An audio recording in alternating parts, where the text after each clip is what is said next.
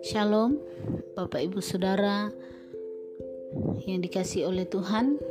Pada pagi hari ini kembali kita mengucap syukur kepada Tuhan oleh karena kasih dan kebaikan Tuhan dalam kehidupan kita. Sebelum kita merenungkan firman Tuhan, mari kita berdoa. Terima kasih Bapak yang baik, kami mengucap syukur kepadamu Tuhan untuk pagi hari ini oleh karena kasih dan kemurahan Tuhan di dalam kehidupan kami. Sehingga pada pagi hari ini Tuhan kami boleh kembali bersama-sama merenungkan kebenaran firman-Mu.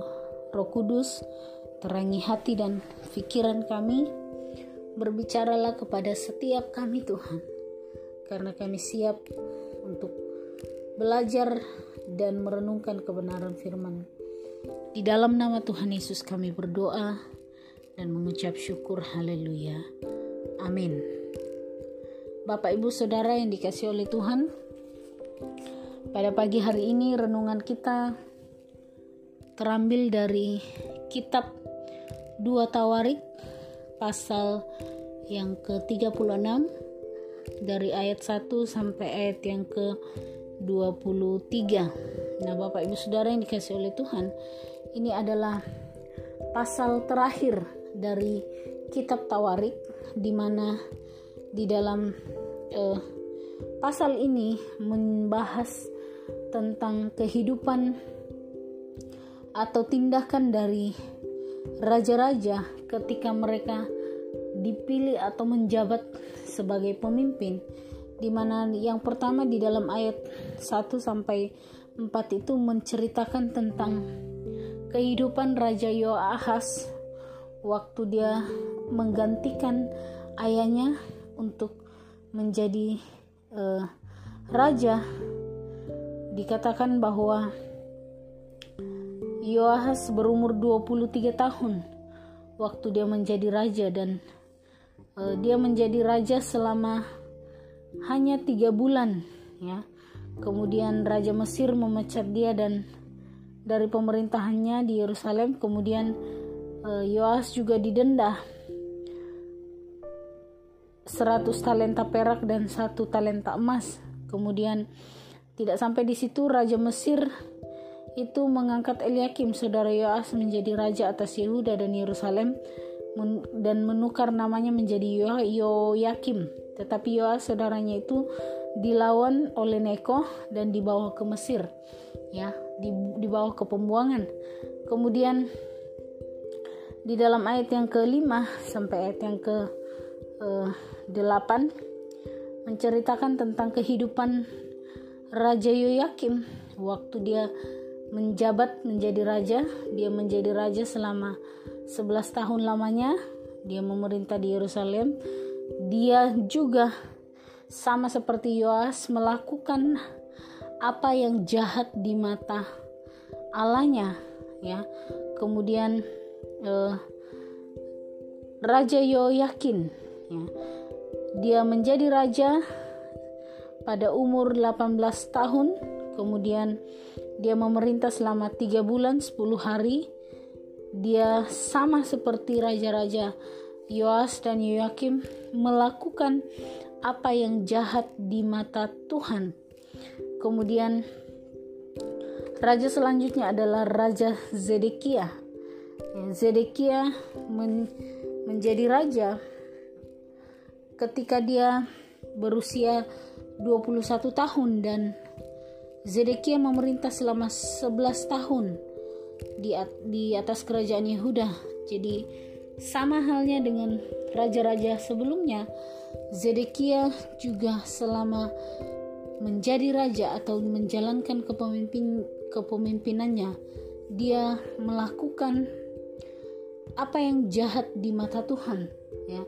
Di dalam uh, ayat ayat 11 sampai ayat yang ke 21 ini uh, menceritakan tentang sikap atau tindakan yang dilakukan oleh Zedekia selama dia memimpin menjadi raja. Dikatakan bahwa dia seorang yang memiliki sifat yang keras. Kemudian di dalam ayat yang ke-14 ya. Ayat yang ke-12 maaf Saudara, dia melakukan apa yang jahat di mata Tuhan dan tidak merendahkan diri di hadapan Nabi Yeremia yang datang membawa pesan Tuhan. Raja Zedekia tidak sampai di situ, dia menjadi pemimpin yang berlaku jahat di mata Tuhan, sifatnya keras, tegar tengkuk dan suka memberontak, ya. Kemudian di ayat yang ke-14 dia menajiskan rumah Tuhan.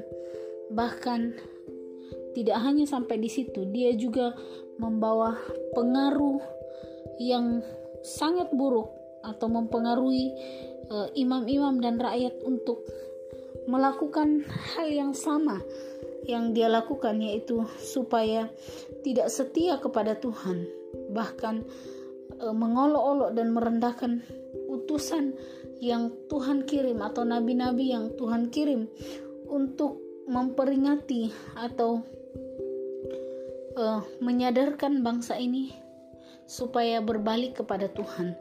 Nah, Bapak Ibu Saudara yang dikasih oleh Tuhan, dari sini kita melihat bahwa pengaruh kepemimpinan yang dilakukan oleh Sedekia itu sangat besar pengaruhnya ya sikap yang ditunjukkan oleh Zedekia sebagai pemimpin ya oleh raja-raja sebelumnya sebagai pemimpin itu membawa pengaruh yang buruk kepada orang-orang yang dipimpinnya ya. Dan dikatakan di ayat yang ke 15 kita bisa melihat di situ namun Tuhan Allah nenek moyang mereka berulang-ulang mengirim pesan melalui utusan-utusannya karena ia sayang kepada umatnya dan tempat kediamannya. Nah, Bapak Ibu Saudara yang dikasih oleh Tuhan, di dalam ayat 15 kita bisa melihat bahwa Allah itu sangat mengasihi umatnya sekalipun pemimpin dan juga umatnya ini sudah tidak berlaku setia mereka berbalik dari jalan Tuhan melakukan apa yang jahat di mata Tuhan tapi Tuhan masih memberikan kesempatan kepada bangsa ini karena apa? Karena bukti sebagai bukti bahwa Allah mengasihi mereka Allah mengirim nabi-nabi untuk uh, memberikan, memberitakan berita pertobatan supaya bangsa ini berbalik kepada jalan Tuhan. Karena Allah mengasihi mereka, Tuhan memberikan nasihat berulang-ulang kepada mereka. Tuhan menegur umatnya. Tetapi Bapak Ibu Saudara yang dikasih oleh Tuhan, respon daripada bangsa ini atau respon daripada umat ini justru Terbalik, mereka tidak menghargai kesempatan demi kesempatan yang Tuhan berikan, tapi mereka justru mengolok-olok utusan Tuhan itu dan menghina segala firman-Nya. Bahkan tidak sampai di situ mereka mengejek nabi-nabinya. Bapak Ibu Saudara yang dikasih oleh Tuhan. Di dalam kehidupan kita ya. Dalam kehidupan kita sering kali kita kita sadari atau tidak kita sadari, kita sering kali melakukan hal-hal yang mungkin menyakiti hati Tuhan atau tindakan-tindakan dosa yang kita sengaja ataupun tidak kita sengaja. Tetapi sekali lagi kita melihat bahwa kasih Allah itu tidak terbatas di dalam kehidupan kita dan sering kali Tuhan mengirim orang-orang di dalam kehidupan kita untuk memberikan kita peringatan Mari kita belajar untuk menghargai setiap kesempatan yang Tuhan berikan di dalam kehidupan kita. Dan waktu Tuhan izinkan orang orang-orang untuk datang entah itu memberikan nasihat kepada kita ya memberikan nasihat waktu melalui kebenaran firman Tuhan kah melalui khotbah-khotbah yang kita dengarkan atau melalui orang-orang di sekeliling kita Seringkali waktu kita merasa diri kita benar, kita menganggap diri kita benar, kita tidak mau mendengarkan nasihat itu. Tetapi kiranya kita mau belajar untuk menghargai dan tidak tidak meremehkan uh, menghina firman Tuhan dan mengejek orang-orang yang Tuhan izinkan hadir dalam kehidupan kita untuk memberi peringatan kepada kita. Dikatakan di ayat yang ke-16, oleh sebab itu murka Tuhan bangkit terhadap umatnya sehingga tidak mungkin lagi ada pemulihan. Bapak Ibu Saudara, karena Tuhan sudah memberikan kesempatan kepada bangsa ini, kepada umat ini, Tuhan mengirim nabi-nabi, tapi mereka tidak menghargai pesan Tuhan itu, mereka menghina, kemudian mengolok-olok. Akhirnya membuat Tuhan murka kepada mereka. Dan Bapak Ibu Saudara, dari sini kita melihat bahwa Tuhan itu menentang segala tindakan kejahatan. Ya, Tuhan akan membalas segala perbuatan jahat dengan murkanya, ya. Karena Tuhan murka kepada perilaku-perilaku atau tindakan-tindakan kejahatan. Bahkan karena kita menghina atau mengabaikan kebenaran firman Tuhan itu dan hukuman Tuhan itu ada bagi orang yang jahat, bagi orang yang hidup di luar kebenaran firman Tuhan. Dan di ayat yang ke-17 bagaimana Tuhan menggerakkan raja orang Kasdim untuk melawan mereka. Raja itu membunuh teruna mereka dengan pedang dalam rumah kudus mereka dan tidak menyayangkan teruna atau gadis atau orang orang ubanan semua diserahkan Tuhan ke dalam tangannya. Bapak Ibu Saudara yang dikasih oleh Tuhan.